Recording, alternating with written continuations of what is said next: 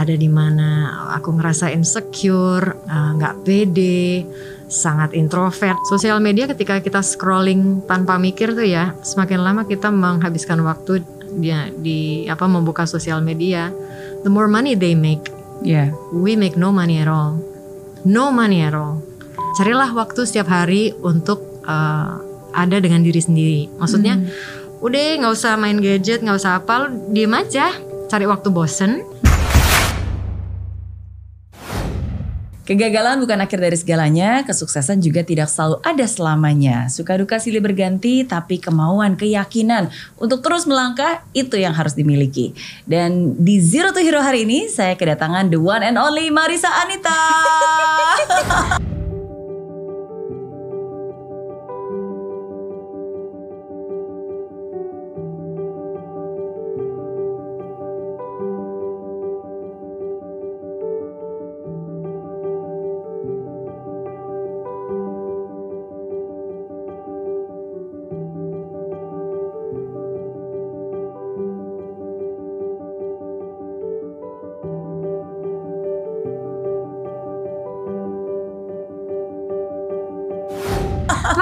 Mary, aku malu loh ini. Aku biasa wawancara kamu, kamu jadi wawancara aku gimana Gantian ini? ya, aduh. How are you Mbak? I'm very good, thank you. Wow. Very good. How are you? Me too. I'm good. I'm good. Thank you. So happy to see you. So happy to see you as Um, well. You actually one of my favorite TV anchor. Oh, thank you. Beneran karena uh, pertama kali aku ketemu Mbak Marisa waktu itu you interview me in Yes. Metro TV. Oh my god. Waktu itu 8-11 aku lagi hamil waktu itu. Oh, you're right. Even longer ya. Longer, longer 2000 berapa? 11 kayaknya. Anakmu udah 10 tahun dong. Anakku sekarang, uh, anakku sekarang yes coming to 10 years. Ya Waktu itu lagi ampun. hamil belum keluar. Lucu banget gila ya. Iya. Time flies. Yes. And then after that you interview me again. Yes. Tapi waktu itu di satu Indonesia. Betul. Kamu ingat loh Mer, oh my god. Ingat dong. Itu lima tahun lalu. Bener-bener. Karena kan untuk yang bisa diinterview sama Marisa Anita di satu Indonesia tuh orang-orang yang sangat terpilih. Oh. Jadi aku I feel so honored waktu itu. Seriously. Thank Dan you, uh, thank itu soalnya you. waktu itu acara Indonesian Choice Award. Mhm. Ya, jadi waktu itu memang mungkin kayaknya um, the net people interviewed the nominees dan Ah, jadi oh waktu yes, itu you're right. pada saat itu tahun 2000 2016. 16. Aku ingat banget kok itu sebelum aku pergi sekolah lagi. Yes. Kalau nggak salah kau yang terakhir aku wawancara deh sebelum aku pergi. There we go, we're here. Yeah, yeah. Yes, yes. And then after that, yes, um, kamu ke uh, dapat ini ya ke Yes. UK.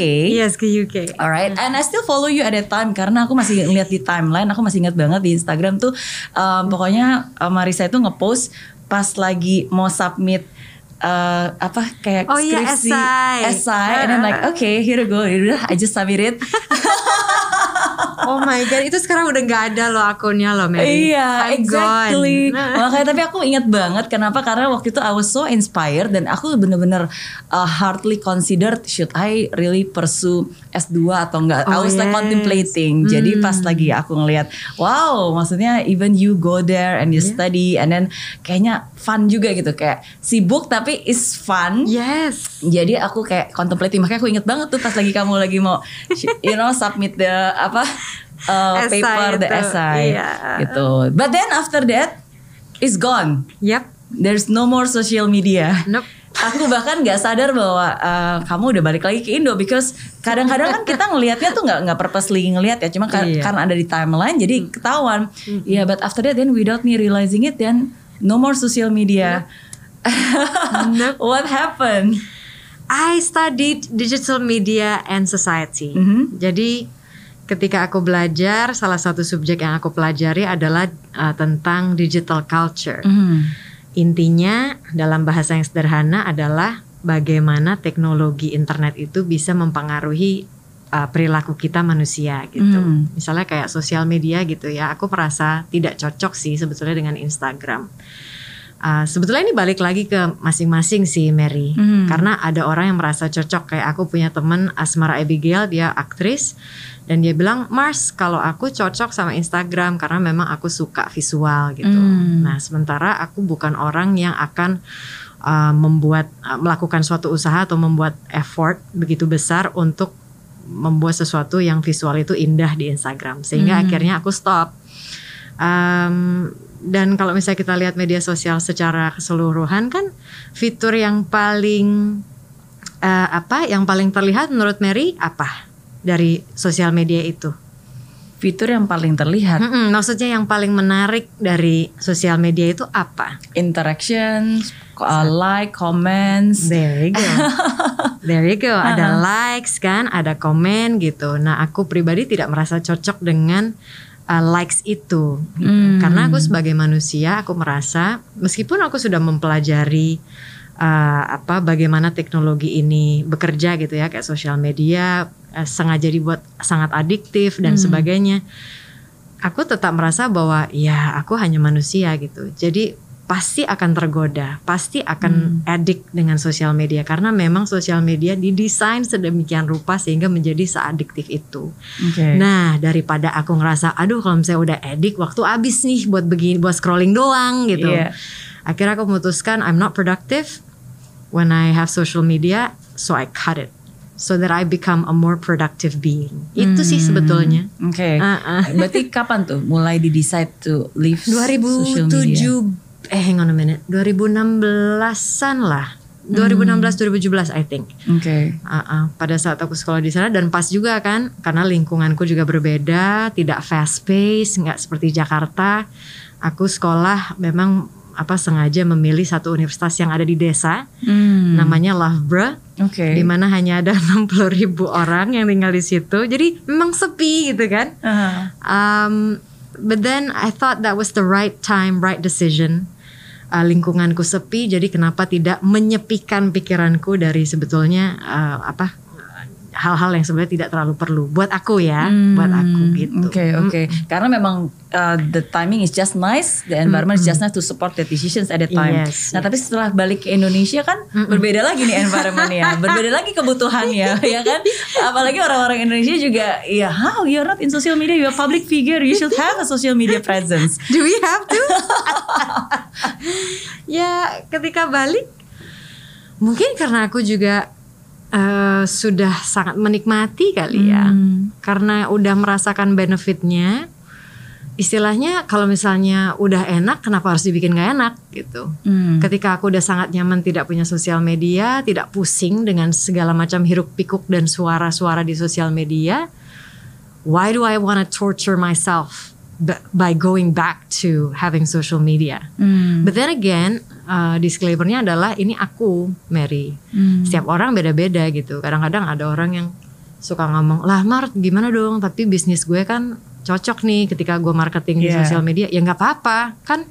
Yang penting uh, uh, lo kan meraup keuntungan. Maksudnya, oke lo menggunakan itu sebagai alat Hmm. untuk berjualan. Ya it's okay, lu dapat ini kan dapat uang, dapat gaji, bisa ngegaji orang, that's great, good for you. Hmm. Tapi kalau uh, the nature of my job um, kan tidak tidak sebetulnya tidak memerlukan itu gitu. Oke. Iya kan? So Oke. so again you have you have to ask yourself, kita harus selalu tanya diri sebetulnya ini ini berguna gak sih buat gue? Bener-bener nanya gitu. Terus dianalisa oke bergunanya eh, kita isti- istilahnya bikin dua tabel deh. Hmm.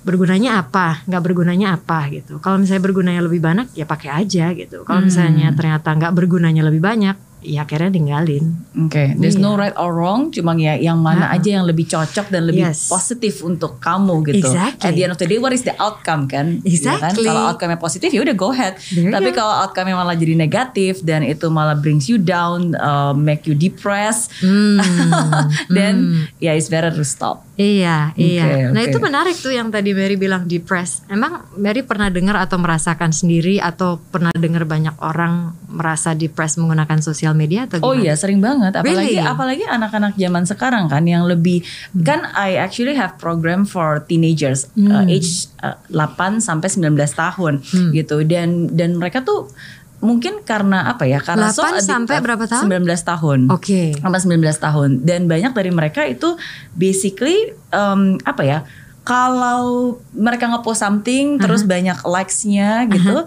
terus mereka jadi feel so happy, iya kan?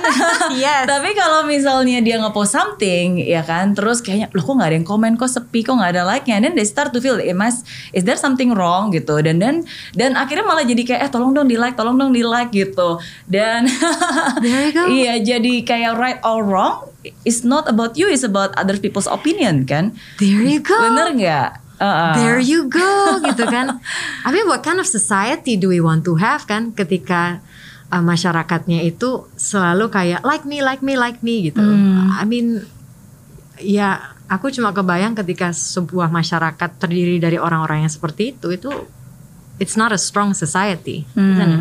Hmm, Karena gampang terbuai apa yang lagi trending, apa yang lagi viral dan sebagainya. So I I really feel that terutama di zaman internet sekarang ya dengan begitu banyak distraksi aku benar-benar menyarankan untuk banyak-banyaklah melihat ke dalam gitu. Banyak-banyaklah nanya ke diri sendiri gitu. Sebetulnya yang gue suka tuh apa? Uh, who am I dan sebagainya gitu. Uh, dan itu hanya bisa dilakukan ketika kita istilahnya memuas puasa gitu. Puasa dari segala macam bunyi, suara yang ada di luar. Take your time to be with yourself. Oke, oke. Nggak gampang sih. Nggak gampang ya Maria? Nggak gampang. Why so? Interesting. iya, nggak gampang karena again dibutuhkan uh, awareness dan disiplin gitu. Hmm. Because sometimes kalau kita, maksudnya sometimes I I personally believe that uh, environment is stronger than willpower. Hmm, interesting. Yes. Environment is stronger than willpower. Jadi kalau misalnya kita sendiri sudah tahu maunya apa, tapi sebenarnya the environment is actually like um, apa ya, uh, mendemand kita atau berekspektasi tentang hal itu. Dan kalau kitanya nggak kuat, kita can just easily um, apa ya terbawa, Terbawa. dengan situasi itu. Jadi dibutuhkan yaitu strong will untuk benar-benar tahu bahwa ini yang kamu mau emang and, and kamu mau itu dan kamu melakukan itu bukan karena perkataan orang lain tapi karena benar-benar pilihan kamu gitu. Yes. And sometimes it's not easy because sometimes we doubt ourselves is it right gitu kan? Am I making the right decisions? Jadi it's not easy tapi tapi is is is important menurut saya sih. Mm-mm. Gitu. Iya. Akhirnya balik ke Indonesia. Now uh, what do you do? What is your activity? I have three kali ya. Mhm. Uh, satu adalah um, uh, I'm the lead editor of Great Mind Indonesia. Mhm. Itu pada dasarnya adalah sebuah majalah online yang memang fokus pada uh, life skill. Hmm. Uh, biasanya kita mengambil um, topik-topik psikologi atau filosofi, intinya berhubungan dengan mental health lah, dan uh, encouraging humans to to feel that they're not alone. Hmm. Maksudnya karena aku merasa media kita, terutama yang mainstream gitu ya, up, biasanya dua da- berada dalam dua polar yang super uh, maksudnya super oh flowers and bunnies maksudnya semuanya adalah hal yang baik-baik maksudnya baik dalam arti kayak bling bling dan sebagainya you know Hmm. and then the other side is very very miserable nah um, tapi jarang yang memposisikan manusia itu sebagai manusia dalam arti sisinya banyak gitu Yeah. Kayak misalnya orang ngira aku dulu tuh selalu happy gitu kan. Oh, you're always happy, nggak pernah ada masalah, lala lili, it's like flowers and bunnies gitu kan. Tapi actually no, I'm only a human being. Yeah. Aku juga ada masa-masa di mana aku ngerasa down, ada di mana aku ngerasa insecure, eh, nggak pede, sangat introvert kadang-kadang, you know, it's like eh, so I want uh, our readers to understand bahwa semua yang kita wawancara itu adalah hanyalah manusia. Hmm. Misalnya kita bisa wawancara seseorang seperti Anggun gitu ya. Ya yang kita lihat Anggun paling ada di sosial media aja, tapi she's so much more than that. Oke. So yes, so that's what I do. One, Great Mind Indonesia. Terus kalau misalnya lagi dapat kesempatan untuk main film ya main film gitu. Karena kan memang uh, that's my other background sebelum aku jadi jurnalis pun juga aku sudah main teater gitu. Oke, Memang iya. aku cinta sekali dengan dengan kegiatan itu atau profesi itu sekarang ya. Iya, aku nonton loh by the way. Ay, The? Quarantine Tales. Oh iya. I I watch it with my kids. Aku bilang, ayo, ayo kita nonton, ayo kita nonton gitu. So me and my husband and the kids we watch the Quarantine Oh, Tales. thank you. Yeah. Thank Uh, you. It's so great. Thank you so much. And it's like membuat kita thinking, you know what? Bahkan pas lagi nonton yang yang yang di awal tuh yang ada the three sisters, Iya. who have three different personalities. Yes, tiga cewek-cewek itu. Tiga cewek-cewek ah. itu. Iya, um, jadi um, jadi aku pause sebentar Hmm. videonya, terus ya udah kita tanya aja, menurut kamu kalau di keluarga kita uh, mama tuh seperti yang mana?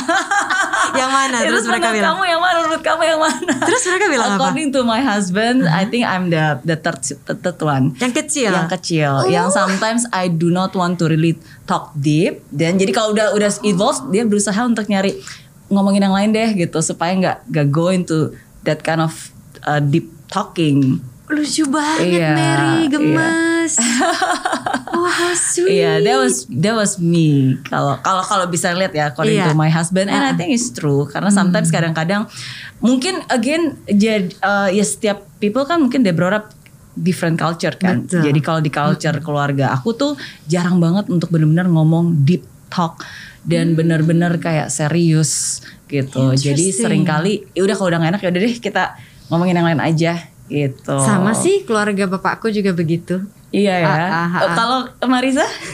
Aku juga gitu maksudnya tapi dari keluarga bapakku ya maksudnya aku kan campurannya sebelah banyak gitu Hmm. tapi kalau misalnya uh, sederhananya aku ada Chinese-nya Mhm. dan aku ada uh, Padangnya gitu nah biasanya nggak tahu ini yang di bagian keluarga bapak aku the the Chinese one itu lebih uh, yaitu uh, kalau mau ngomong yang nggak enak nggak enak tuh kayak iya iya iya Iya. iya, iya.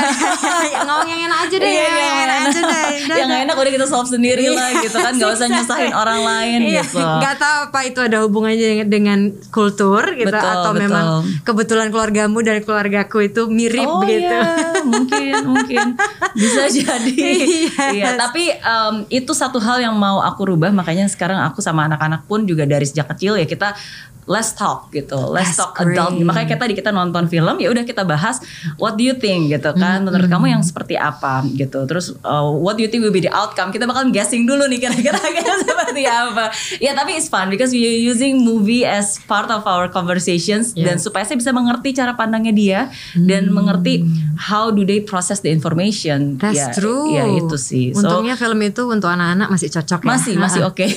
Masih oke. Iya. So quarantine tales Yes, Yes. Mm-hmm. uh, so I do films. Uh, yang terakhir yang kau nonton itu Quarantine Tales. Ada beberapa film juga, tapi memang karena kondisi pandemi ya, Mm-hmm. kan bioskop juga lagi susah sekali. Orang juga nggak berani untuk keluar nonton dan and ya mengerti juga uh, Mm-hmm. karena memang mereka kita semua memperhatikan kesehatan kita. Of course, tidak boleh berkumpul. Terus yang ketiga adalah I'm doing apa? mm, presenting untuk C Today. Oke Si Today itu channel baru yang tanggal 28 Oktober 2020 lalu memang baru diluncurkan. Hmm. Itu adalah mungkin Mary uh, familiar dengan CCTV. Kalau China kan ada Hmm. CCTV, Italia ada RAI. Mhm. Kalau di Prancis mungkin ada France 1, 2, 3, 4. Um, pokoknya channel apa? Channel yang memang khusus uh, government tapi dalam bahasa Inggris. Oke. Ah, ah, jadi aku biasa presenting itu dua kali dalam seminggu. So I have those three things and I'm quite happy. Even though kayaknya kok banyak banget ya kegiatannya ada tiga, enggak sih. It's all about ngatur waktu juga kan. Jadi nggak boleh kecapean. Gitu. Iya betul betul. Tapi itu satu hal yang unik sih karena kalau aku baca eh, sebenarnya Mbak Marisa itu awalnya cita-citanya pengen jadi pramugari. Exactly. Just because I want to travel for free. ya kan? Siapa sih yang nggak mau jalan-jalan gretong gitu? Uh, so that's how it started. Tapi akhirnya uh, gara-gara waktu itu aku belum lulus S1, sedangkan waktu aku apply ke Singapore Airlines mereka membutuhkan orang yang udah S1 akhirnya tidak diterima gitu ya udah so I never got to be a stewardess ya sudahlah it's okay Iya. Tapi when did you realize that you love uh, like writing, journalism? Oh. Mhm. Itu waktu sebetulnya itu bukan sesuatu yang aku langsung tahu sih Mer. Ya namanya juga anak remaja. Hmm. Kita kamu dulu waktu remaja kan juga pasti bingung, bu mau ngapain ya nanti Iya. kalau misalnya udah gede Mau jadi gitu. insinyur elektro. Oh iya? Ya ampun gemes Waktu banget. kecil, iya. Oh my god, so gemes. Terus akhirnya sekarang jadi yang jauh banget gitu Beda. profesinya kan. Betul. So for me, waktu aku remaja tuh aku suka banget memang nulis buku harian. Hmm. Kayaknya banyak banget orang yang bisa relate ya, apalagi cewek-cewek gitu yang suka nulis buku harian. Terus aku juga tumbuh besar membaca majalah kan. Hmm. I love magazine so much. Uh, back then kalau misalnya lagi ada tabungan, aku akan beli majalah remaja luar negeri, Hmm. sekaligus belajar bahasa Inggris juga gitu, melancarkan lah. So jadi ketika aku S1, aku bener-bener cuma milih apa yang terasa paling alami buatku, yaitu bahasa asing, karena Hmm. memang aku suka banget. Ya udahlah, bingung mau ngambil kuliah apa, ngambil aja yang suka bahasa Inggris gitu. Akhirnya lulus uh, pendidikan bahasa Inggris, berarti jadi guru gitu. Kalau misalnya udah udah lulus. Terus. Terus waktu jadi guru, aku merasa bahwa kayaknya aku masih haus di sekolah.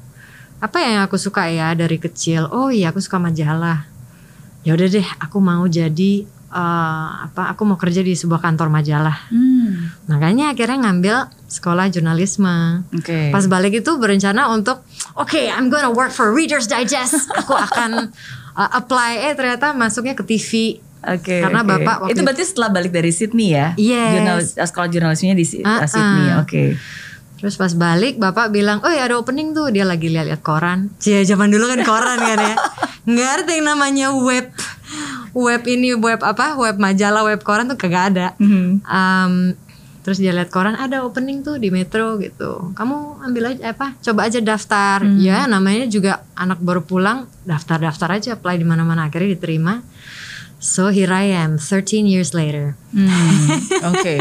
How do you know uh, when do you eventually fall in love? Karena kan sometimes awalnya kan kayak yaudah kita coba gitu. Nggak Tapi tahu aku Mer. Mhm. Maksudnya yang aku tahu bener-bener kayak gue suka ini nih. Hmm. Nggak yang wah I'm in love with this. No, kayak ya emang this comes naturally for me untuk nulis, untuk dengerin orang, Hmm. untuk dengerin cerita gitu. Because I grew up watching a lot of films as well. Hmm. Jadi itu sesuatu yang gradual dan nggak ada yang pernah aku paksakan. Ya pokoknya aku rasain aja. Oh kalau aku ngelakuin ini, gue happy nih Yeah. ya udah akhirnya jalannya ke situ dan aku tuh nggak pernah punya target mer Oh ya? Iya orang selalu bilang it's so funny because maybe about two days ago ada orang dari salah satu media gitu yang ngasih aku pertanyaan tapi pertanyaannya tuh tentang future gitu tentang bagaimana Mbak Marisa melihat eh, karir lima tahun ke depan gitu Mhm. ada prediksi terhadap industri film lima tahun ke depan Terus aku bilang gini aku telepon orangnya Mer Ah. aku bilang "Eh, Iya, thank you ya sudah di email pertanyaannya. Cuma jujur aku bingung jawabnya gimana gitu. Oh ya, iya soalnya aku tuh nggak pernah mikir setahun ke depan, lima tahun ke depan kayak gimana. I just live my life day by day gitu. Hmm. Jadi bukannya aku nggak mau menjawab pertanyaan, aku nggak bisa karena aku nggak punya jawabannya. I don't think about the future. I think about what I do now and what I can do uh, apa what, what I can do now dan bagaimana aku bisa melakukan apa yang di depan mataku itu sebaik mungkin. Udah itu aja. I don't Okay. think about so you future. don't actually like plan, oke, Enggak. uh, like tahun depan mau ngapain atau enggak maksudnya, wah ada hal-hal yang like probably you have like a bucket list, like oke aku mau achieve ini, mau achieve ini. Enggak, Mer.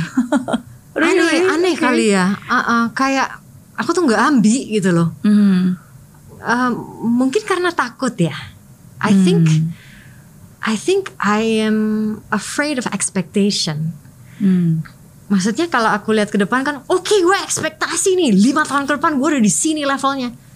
Dan kalau kalau misalnya kagak kejadian, kan aku lagi yang down gitu kan. So that's why I just like I like to keep expectation low. Kalau misalnya tiba-tiba dapet yang lebih bagus dari ekspektasi, ya bersyukur, is bonus gitu. Oke. Daripada udah target segini, setinggi ini terus tiba-tiba nggak dapet, terus kita jadi kecewa sama diri sendiri, it's like, yeah, but that, that again is just me, yeah, right? Yeah, yeah, yeah. Oh, that's that's that's interesting. I I thought uh, aku bayangin seorang Marisa itu seseorang yang uh, pasti punya goal, punya target. Misalnya kayak contohnya like for example like how do you get the the chevening scholarship? I thought people who have the, who, who can get scholarship definitely pasti ya dia pasti goal getter. Ya nggak sih dia dia oke I want to get this and then like I do very best to actually get it gitu. Hmm, Mhm. Iya sih, doing very best iya. Tapi kalau misalnya nggak dapet, ya ya sudah gitu. Jadi, hmm, ya itu sih Mer. Maksudnya, Hmm. ya speaking of that scholarship, karena emang tujuanku pada saat itu adalah, oke gue mau sekolah nih eh, digital media, karena gue kan di media. Jadi gue harus tahu dong transisi dari analog ke digital, you know, just to update my skill. Oke. Sesimpel itu. Nah, ya udah tetap ya I applied everything. Kalau misalnya dapet syukur, kalau nggak dapet ya you try again.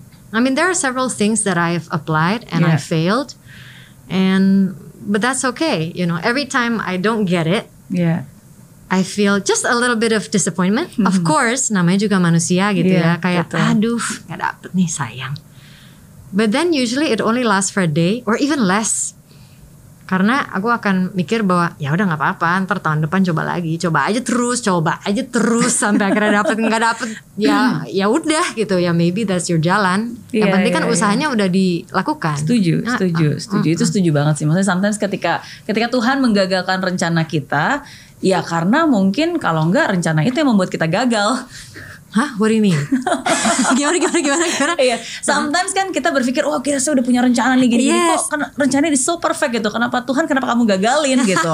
Iya kan? Iya. Kok jadi nyalain Tuhan ya nggak sih? Bener bener. Nah Ah, tapi eventually sebenarnya kita nggak tahu kalau kita benar-benar menjalankan rencana itu, Yes. eventually probably itu yang akan membuat kita menderita dan gagal gitu. So sometimes Hmm. Tuhan menggagalkan rencana itu.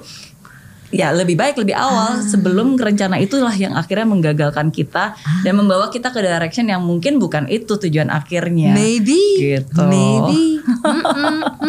Oke oke. But it's interesting sekarang um, Marisa um, apa ya you inspire people through Do I? Oh through, my through God. your no no no through your mind. Oh, thank you. Marisa's mind in great mind. It's it's it's nice you know. I I watched some of the video and I think it's very intriguing membuat kita berpikir Oh, you. menjelaskan beberapa hal yang sebenarnya nggak mudah untuk dijelaskan but you you explain it well ya Oh. with with your your way Iya, your contohnya way apa ya expression. yang kamu pikir oh ini sebenarnya susah dijelasin tapi terjelaskan gitu. Which topic do you think? Um, Oke, yang aku suka, yang benar-benar relate banget the first few seconds itu aku nonton tentang uh, monotasking.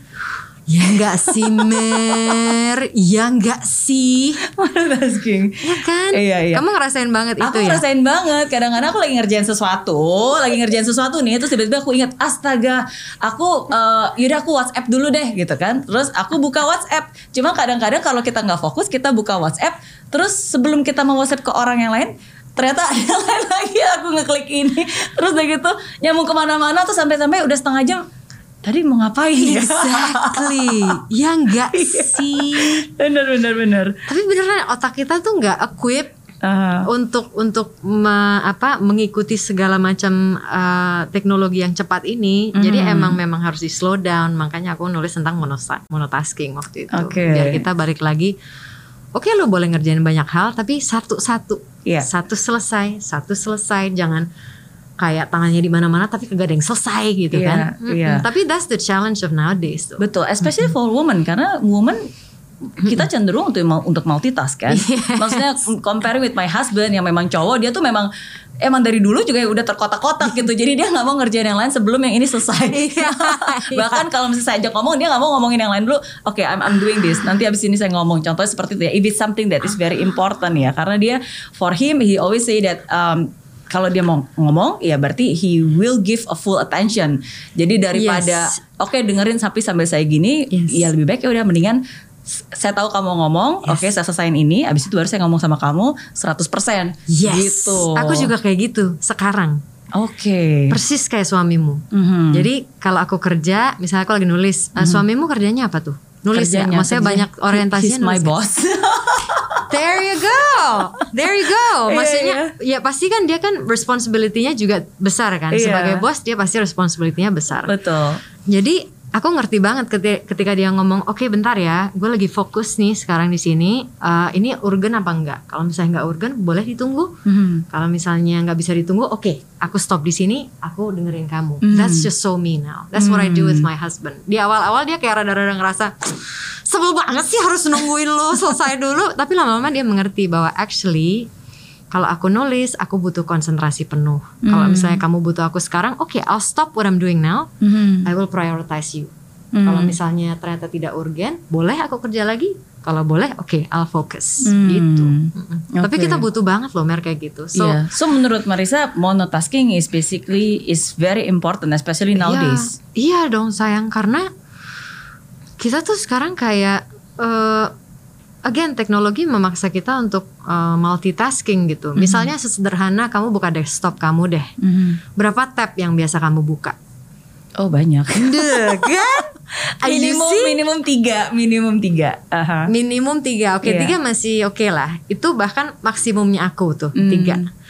Em, karena kalau misalnya udah kebanyakan tab, kita jadi otak kita tuh jadi bingung gitu. Ini kita pasti langsung Iya. disorientasi dan kemampuan fokus itu jadi eh, jadi berkurang. Hmm. But that's just the nature of um, internet technology.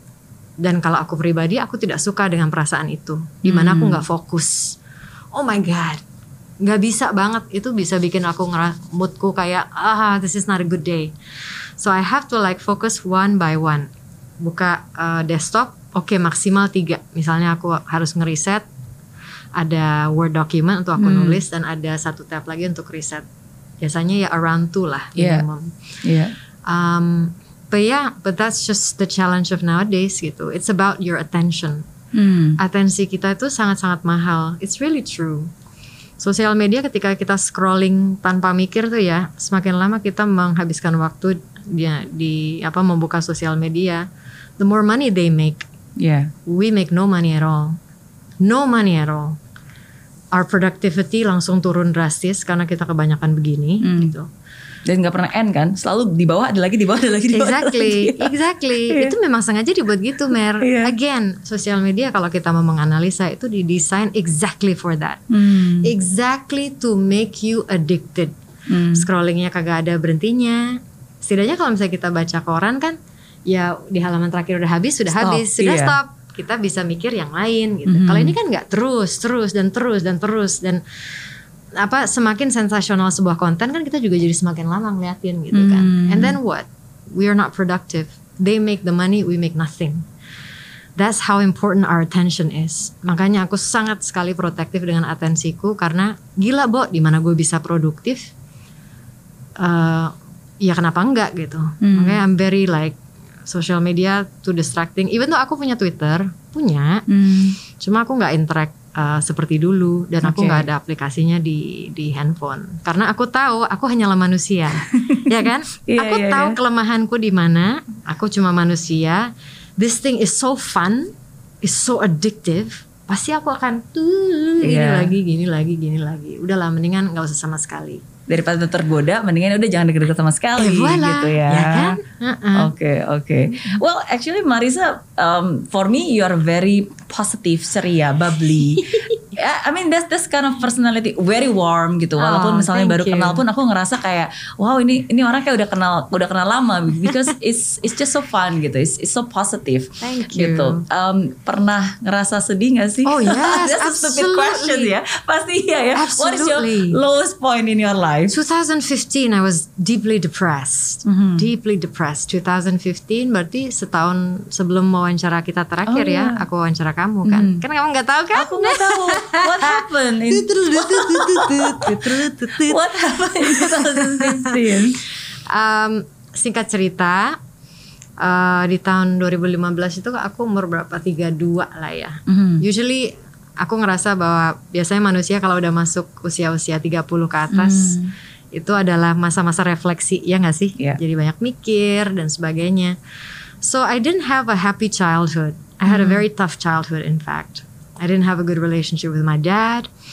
Um, uh, singkat cerita akhirnya itu menimbulkan uh, komplikasi dalam arti di situ ada amarah, ada rasa kesal, ada resentment dan sebagainya.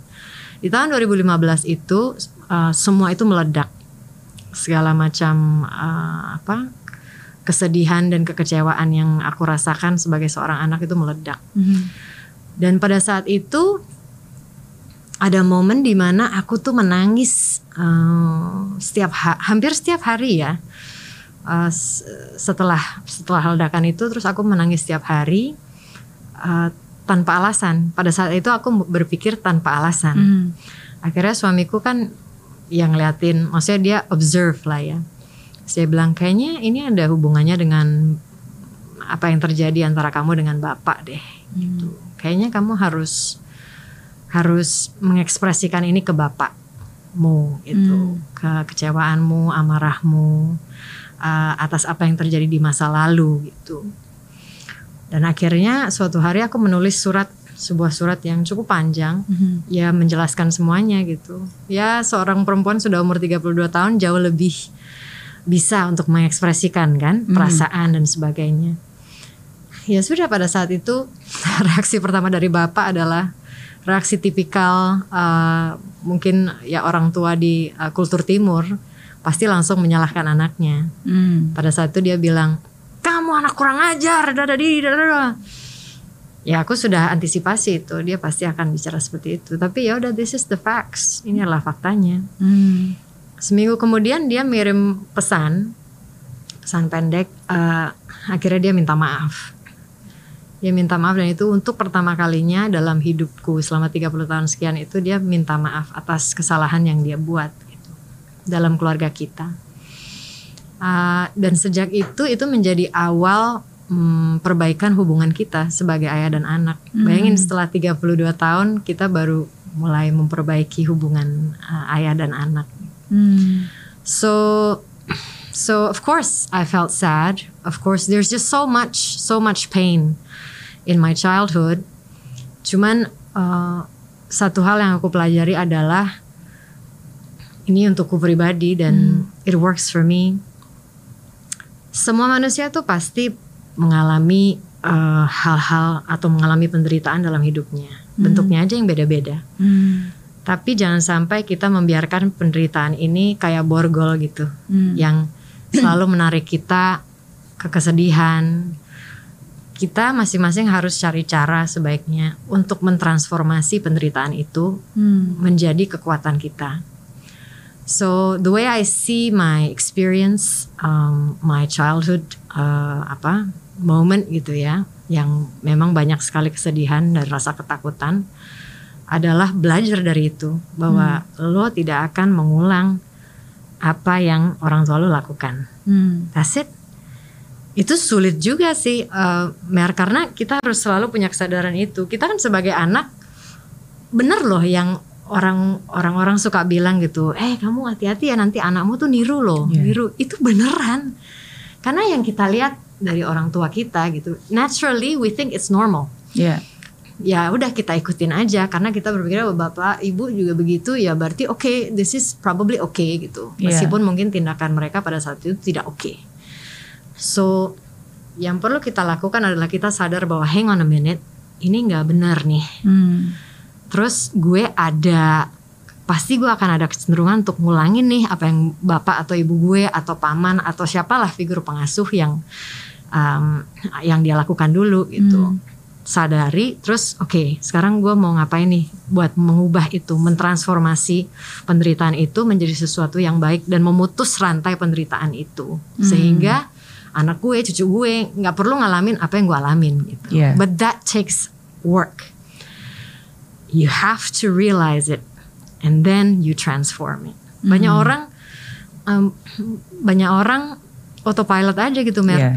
ngulang lagi kan? Ngulang lagi kesalahan yang sama ngulang lagi ngulang lagi. Akhirnya ya you are creating damaged people in this world. Damaged children and then damaged people damaged adults terus aja gitu. So we have to cut the the chain of suffering Oke, oke. So how long does it takes for you to yang kayak tadi kan 2015 it was like so emotional. It was like the Yes. lowest point in your life. yes it was one of the I think One that of was like the- the ultimate lowest point yeah. Iya.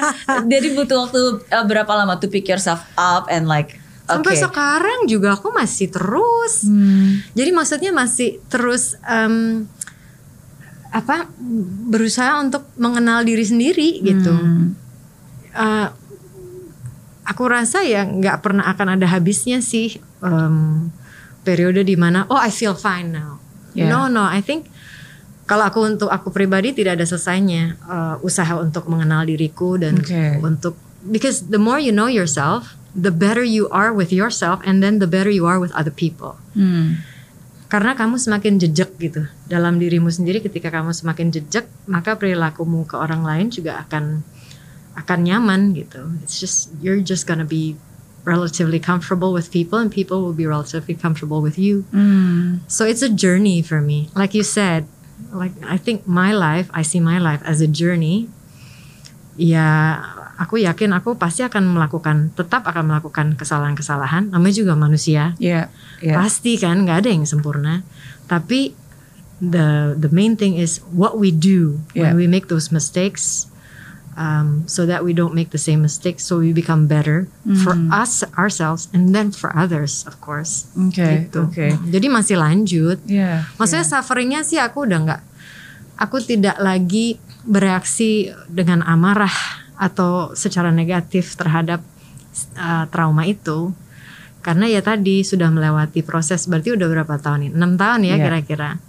Uh, mentransformasi. Oh luka ini aku transformasi menjadi sesuatu yang tidak lagi memborgolku gitu loh. Hmm. So I become a healthier human being. That's right? good. Yes, Right? yes, yes. Every pain has a purpose. Exactly. Every pain has a exactly. And we purpose. can make it, um, we can transform it into something that it doesn't have to be negative or continuously painful. Hmm. You can change it, transform it. Oke, oke. Tapi dari sharing Marisa tadi aku um, apa ya aku jadi berpikir ada dua hal sih yang it resonate so much um, dengan aku karena ini juga beberapa hal yang aku just discover for the last few months.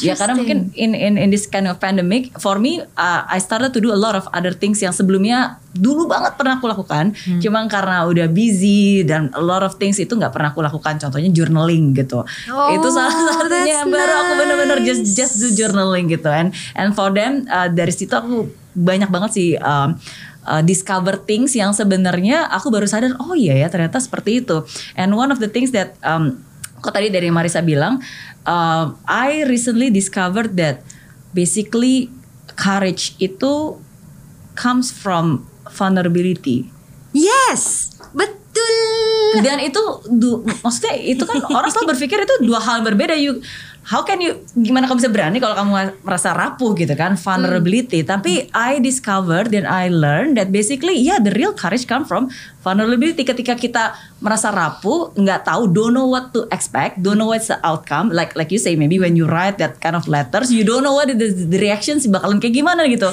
but you let yourself to be vulnerable with the situations Yeah. but that's actually the real courage Yes. gitu. Iya. So um, ya itu sih mungkin sometimes kadang-kadang orang takut untuk merasa sedih, merasa depres, mereka takut untuk merasa kecewa karena mereka Hmm.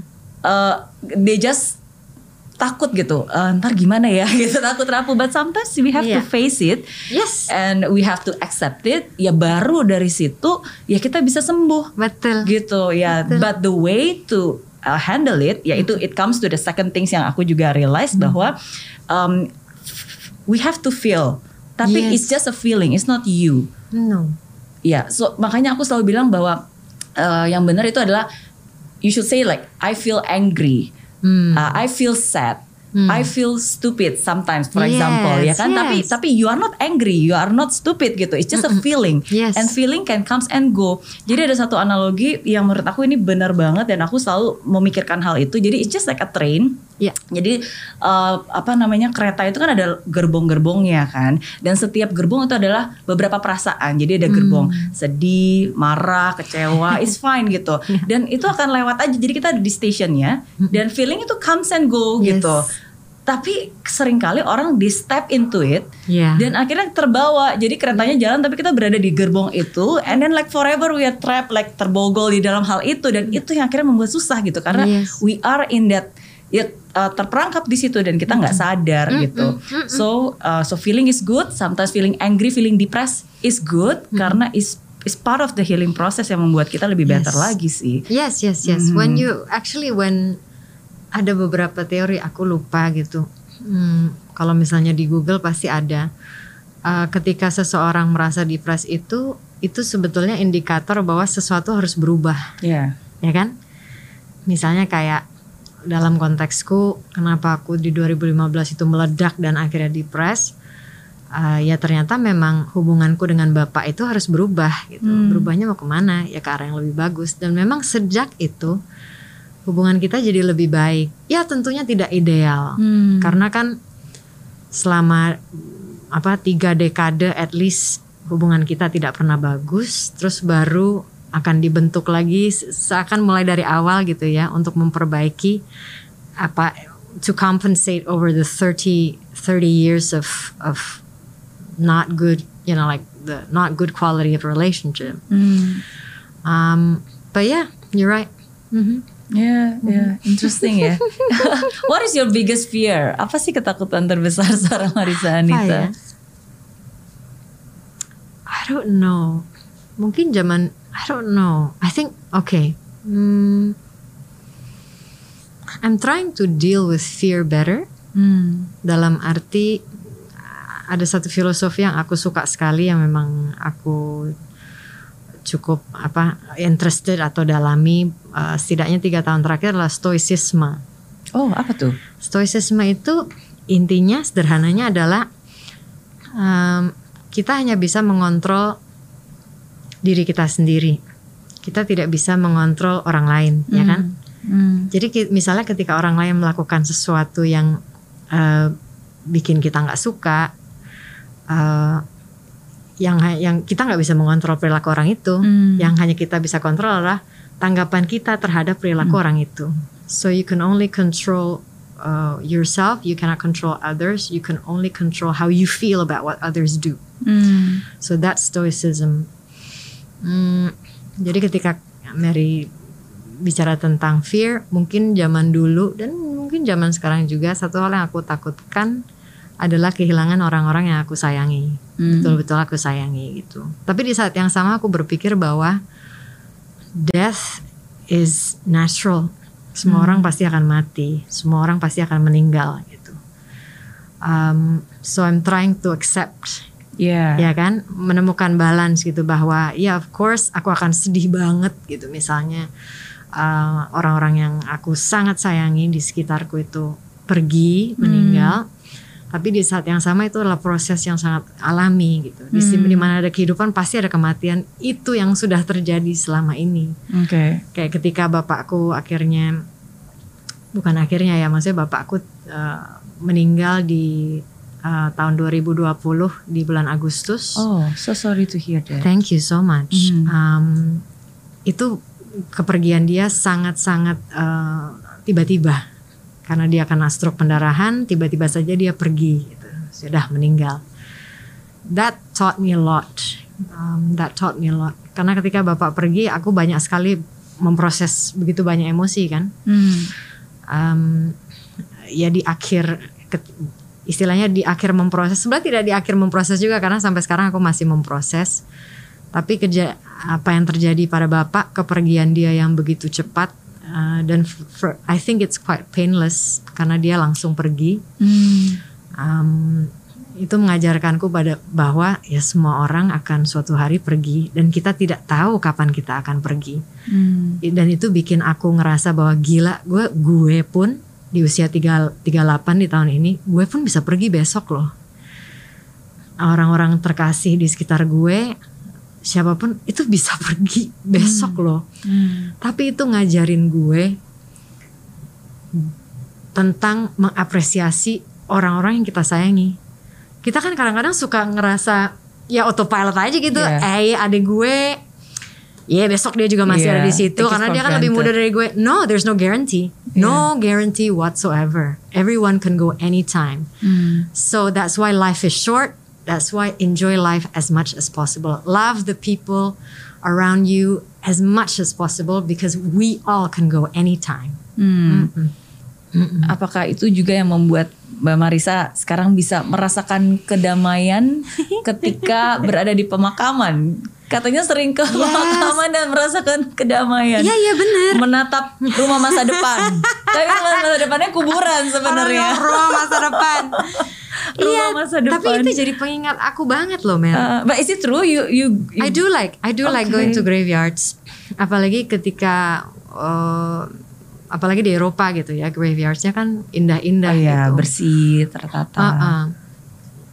ya mungkin karena itu ada satu satu apa tuh namanya ya it's, it's not a philosophy mungkin satu pelajaran hidup namanya memento mori Hmm. exactly yang tadi aku bilang ingatlah hari kematianmu kenapa karena ketika kita ingat bahwa suatu hari kita akan mati dan kita nggak tahu itu kapan Hmm. itu akan membuat kita lebih hidup dalam arti Hmm. gue akan menjalani hari ini sepenuh-penuhnya karena gue nggak tahu besok gue tuh masih ada hidup atau enggak gitu. And ketika kita ketika aku melihat kuburan misalnya, ya itu adalah masa depan aku suatu hari nggak tahu kapan. Itu jadi pengingat aku bahwa makanya lu enjoy lah hidup lu sekarang karena suatu hari lu hanya akan ada di tanah itu dan that's it. Sudah tidak ada lagi di zaman itu yang membedakan antara aku yang dulu dan sekarang. Dulu ketika aku sangat depresi, tentu naturally biasanya muncul pemikiran-pemikiran untuk mengakhiri hidup dan sebagainya. Itu banyak terjadi pada orang-orang yang depresi. Uh, kehidupan terasa unbearable gitu ya. Hmm. But now pikiran itu sudah sudah tidak ada lagi karena aku berpikir bahwa well one day I'll die might as well just enjoy life now you know while I can still see I can still breathe I can still eat good food Yeah. not so good food experience a lot of things you know so there you go Mm-hmm. Wow. Yeah. Wow. Wow, another life lessons. Great mind. Makanya it's, it's, it's- I I think sometimes kadang-kadang memang um, the the important assets itu actually what's in the person's mind. Karena kan kita cuma ngelihat dari luarnya aja dan kita mereka-reka dan menerbak- menerbak-nebak gitu kan. Tapi what actually comes in their mind, their thinking process, uh, itu sih yang benar-benar mutiara banget gitu, gems banget. Iya. Wow. Oke. mau ngomong apa lagi Iya iya iya. No no. But um uh, kalau aku ngelihat uh, Marisa ya, uh, how but how how do you overcome griefs? Karena oh yes karena recently ini kan ada banyak banget orang-orang uh, they kehilangan their loved ones and then Yeah. it's so sudden gitu. So and it's it's hard for people Yes. sometimes to overcome that grief. Mm-mm. setiap orang pasti waktunya beda-beda ya Hmm. grief itu ndak grieving itu nggak bisa dipaksa maksudnya nggak bisa kayak ya udah lu sedihnya seminggu doang dong gitu ya nggak bisa. Aku ngerasa setiap orang pasti beda-beda waktu waktu grievingnya gitu. Kayak sama bapak ya ini kebetulan contohnya ada gitu ya. Bapak kan meninggal udah enam bulan yang lalu gitu. Wah waktu di awal ya of course I was grieving. Meskipun hubungan kita sangat kompleks dan tidak ideal I was still sad. As a daughter of course I was still very sad. He's my father. Ya di awal-awal ada ada rasa sedih tentu karena gila gue udah nggak bisa lihat bapak gue dia udah nggak bisa ngajakin gue makan siang gitu biasanya dia suka nelfon eh makan siang yuk gitu bapak lagi di Sudirman nih gitu um, sometimes bahkan ada anger yang muncul lagi Hmm. tapi aku menganalisa ketika rasa marah itu muncul kayaknya itu adalah cara aku coping deh Hmm. coping karena dia sudah tidak ada. Jadi kayak mungkin akan lebih mudah bagiku untuk marah terhadapnya sehingga aku tidak sesedih ini. Hmm. You know, it's like aku analisa aja. Oke, ada sedih, ada marah, ada kecewanya balik lagi dikit. Tapi di saat yang sama super sedih gitu. Ya. Itu adalah coping mechanism yang memang harus kita jalani dan itu proses. Sampai akhirnya ya enam bulan kemudian ya of course I'm still sad. Maksudnya sad sadnya pun bertransformasi lebih ke yang yeah you know it's like there's no more meeting there's no more like yang nggak bisa ngelihat dia lagi gitu Uh, tapi at the same time ya that's life Hmm. that's life bahwa semua orang suatu hari akan akan pergi dan kembali lagi ke situ Ya. kita nggak tahu waktunya itu membantuku untuk memproses sih Oke. dan dan dan mulai menerima gitu ya bahwa ya you know it's like you're gonna die I'm gonna die right we're Yeah. all gonna die Yeah. one day nanti anak kita yang meneruskan gennya Mary genku ya ya sudah that's just the facts of life Iya, dan ketika kita masih hidup ya udah just just do our best. Give Iya. our best, enjoy. iya Mhm. uh, maksudnya grieving there's nothing wrong with grieving waktunya juga ya nggak ada yang bisa nentuin hanya kita kita sendiri yang bisa nentuin So that's all I can say. Really. Hmm, Oke, Um, dari begitu banyak pekerjaan yang sekarang kamu lakukan, acting, presenting, um, uh, contributing, I mean like uh, your minds, yang mana yang sebenarnya kamu paling suka? All three.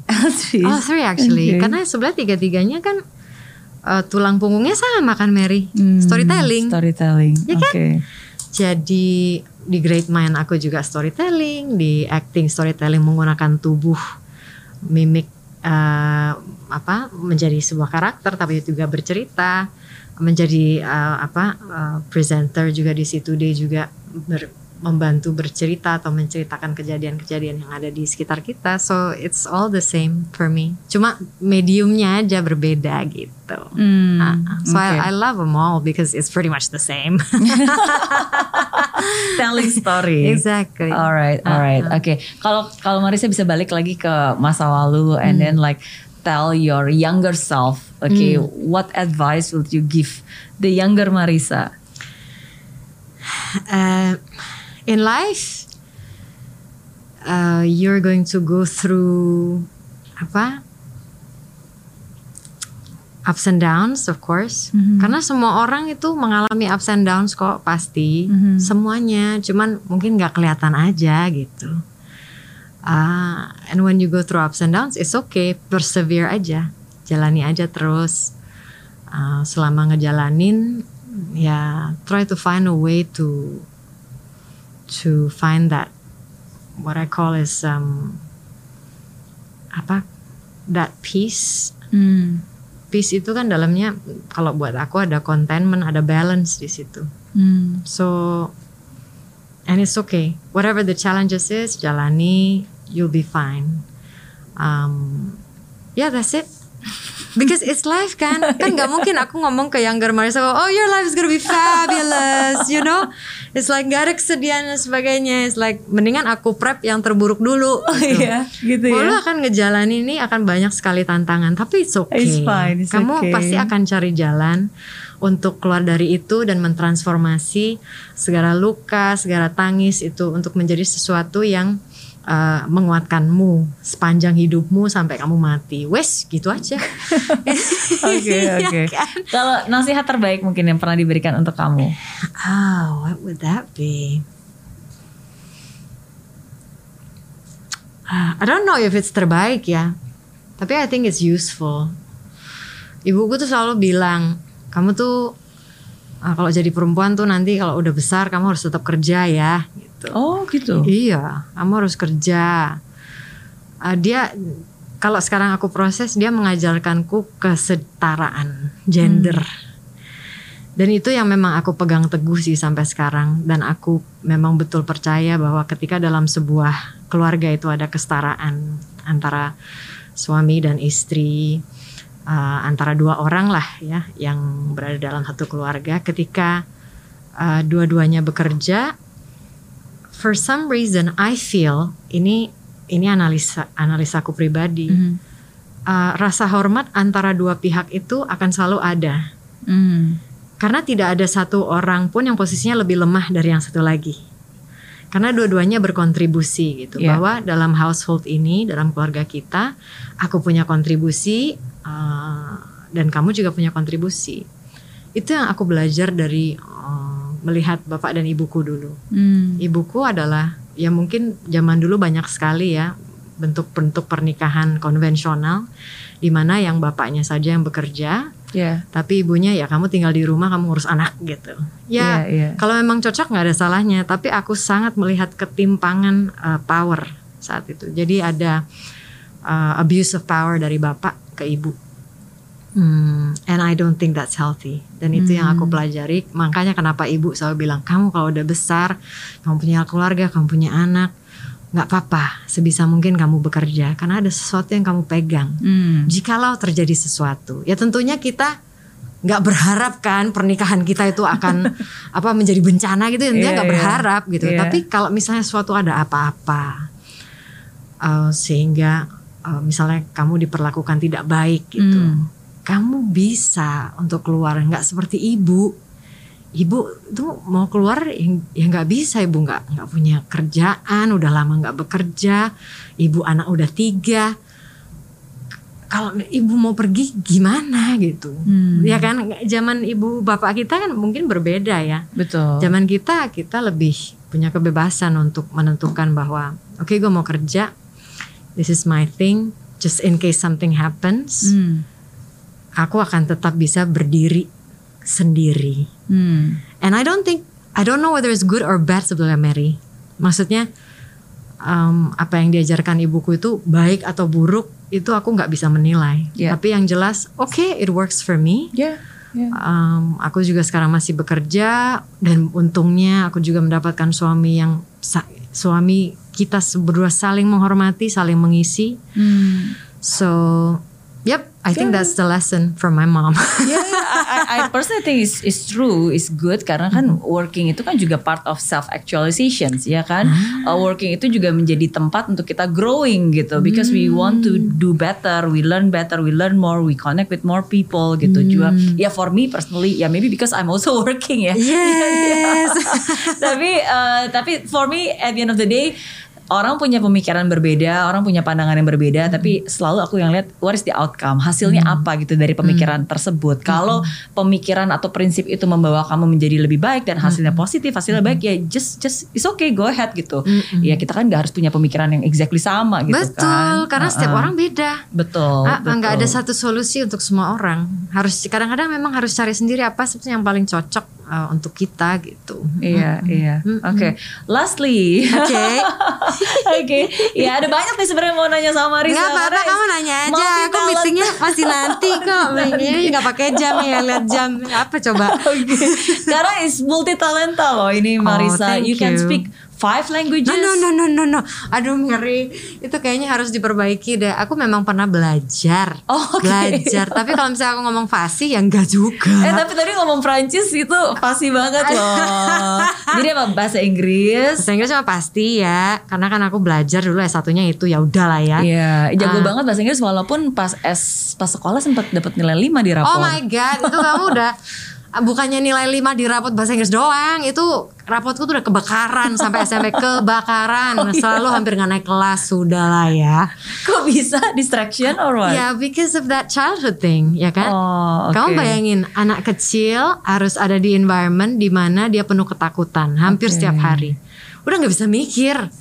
Jadi mungkin bagi para guru gitu ya, kalau misalnya ngeliat ada beberapa mahasiswanya yang selalu merasa apa menyendiri, terus Hmm. selalu merasa sedih, terus nilainya nggak bagus. Nah bisa jadi itu ada permasalahan di rumahnya. Gitu. Oke. Mm-mm. So that's what happened.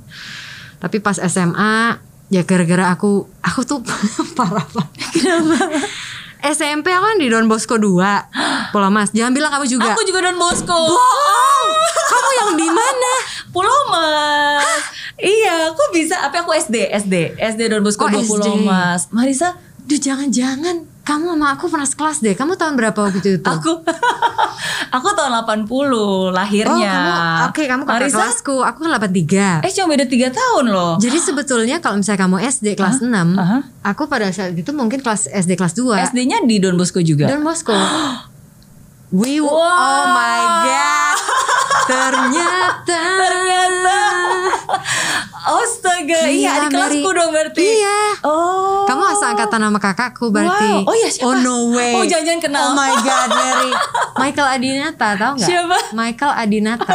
aku I'm very bad with names. Oh my Ka- God. oh my, oke nanti aku cek. Michael, Iya, Michael Mungkin- Adinata. Mungkin aku tahu kali ah, beberapa. karena mestinya kalian satu angkatan. oh ya. Seriously, kalian satu angkatan pas SD. Karena 80 aku tahun Iya, 80. sama, Oke, kakakku lulus juga. 92. Eh, bener gak? Iya, 92. Oh iya. Ah, ah. Oh iya, mungkin ya. Iya. Oke, oke. Aku aku cek-cek lagi Iya. foto-foto Michael, maybe, maybe. kita jadi Iya, distract iya, loh. Tadi ngomongin apa ya? Ngomongin apa ya? Ngomongin sekolah. Kamu kan SMP Oh, di iya. Don Bosco. Aku SMP mau ke SMA tuh saking begonya Aha. mau masuk SMA Don Bosco tuh nggak diterima dong. Ah.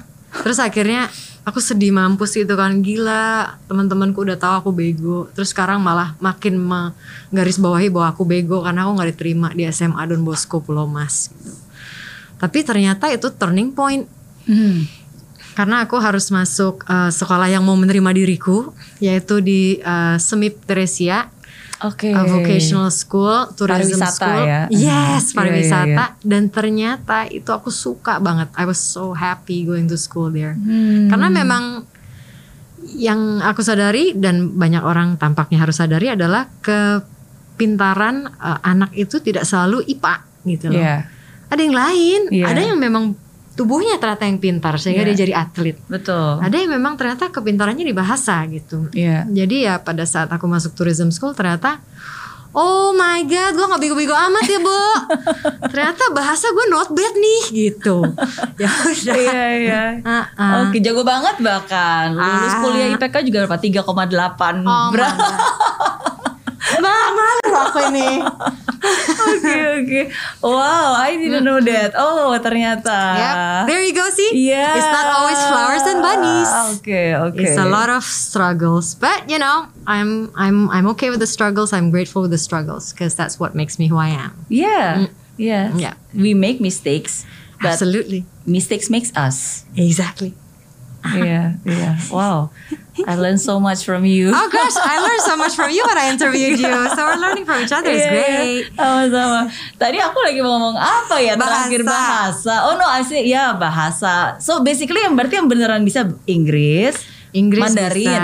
Mandarin dulu aku belajar, tapi sekarang ya kalau dengar orang kalau uh, sehari-hari paling mangki- masih masih, oke bisa. lah. Oke. Karena aku belajar itu kan waktu remaja, jadi mungkin pada saat itu penyerapannya cukup baik. Iya. Uh, Jepang aku ambil tiga tahun gara-gara tourism school itu. Oh. Cuman, bahwa ternyata bahasa Jepang sulit ya. Sekarang hilang total gitu Mer. Oke. Kayak wow wow nggak ngerti belas. Iya, because if you don't use it, you lose it, right? Exactly, Iya. exactly. Terus uh, Perancis itu aku ambil sebagai salah satu obat depresi Oh iya. di tahun 2015. Aneh ya, kayak oke ini gue kayaknya I'm not in a good place nih. Oke. Gue kayaknya butuh sense of achievement. Uh-huh. Kalau les itu kan kita naik kelas, naik kelas, naik kelas gitu kan. Itu kan seperti semacam eh, adalah eh, semprotan rasa senang gitu Iya. ketika kita achieve something atau meraih sesuatu.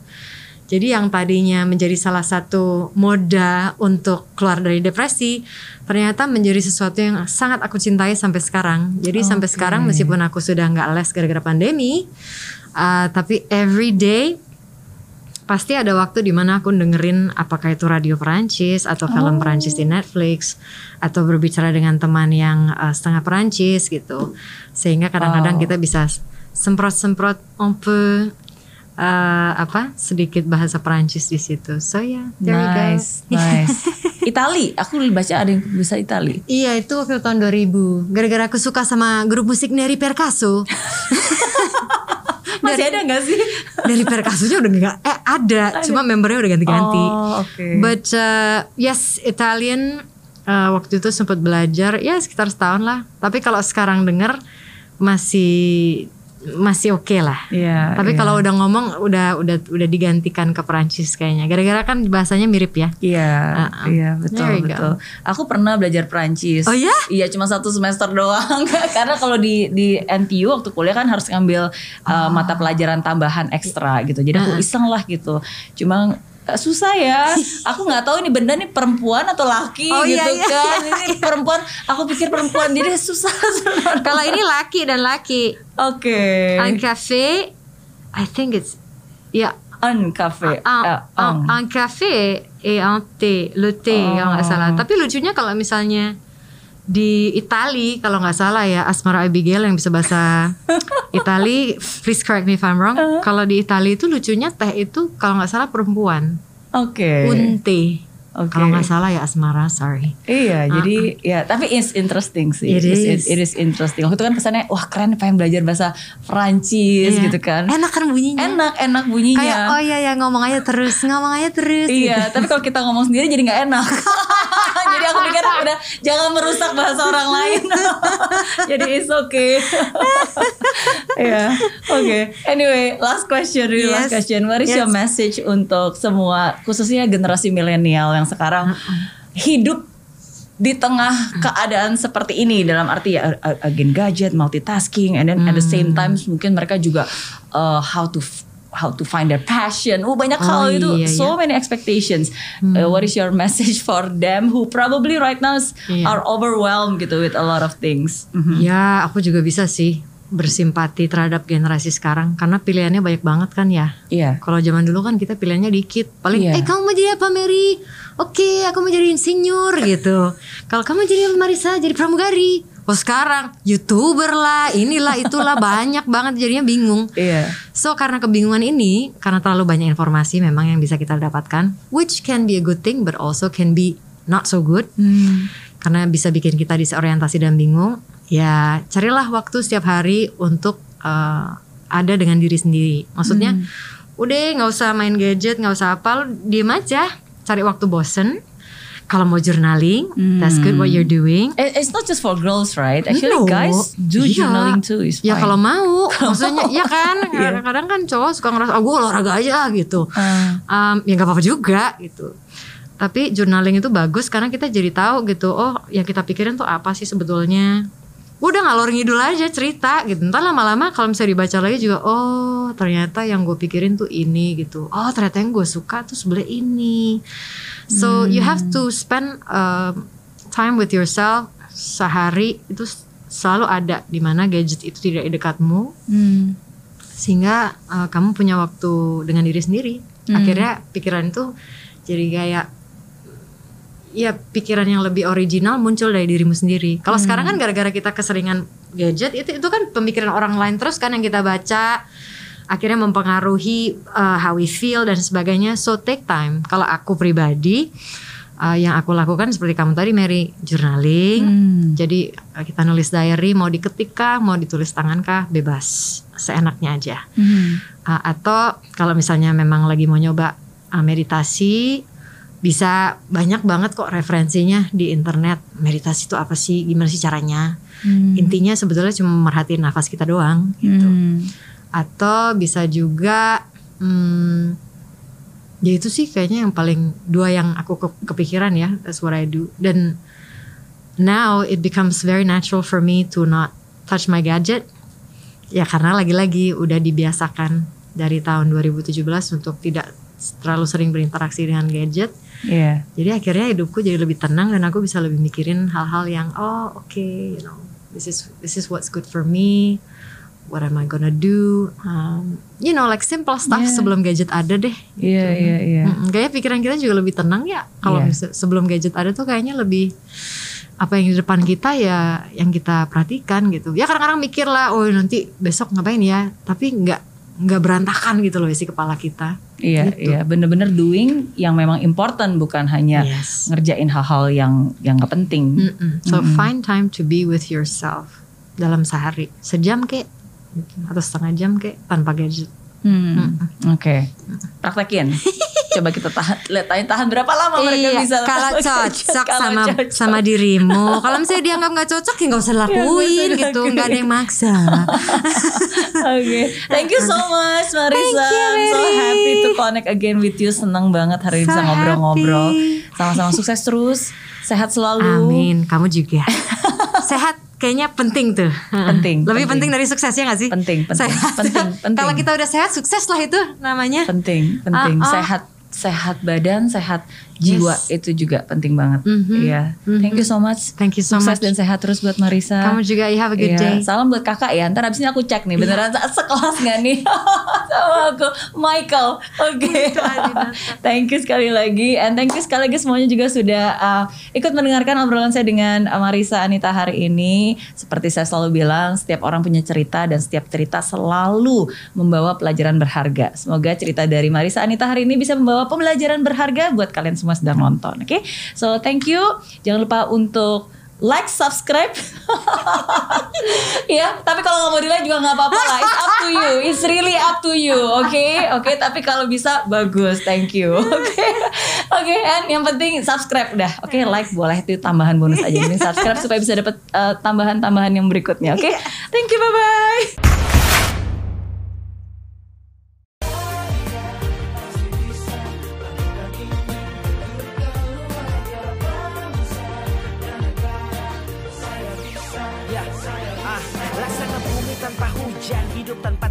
Tujuan, kering dan mati tanpa hijaunya tumbuhan. Ah, demikian kalau mimpi tak kunjung terjadi.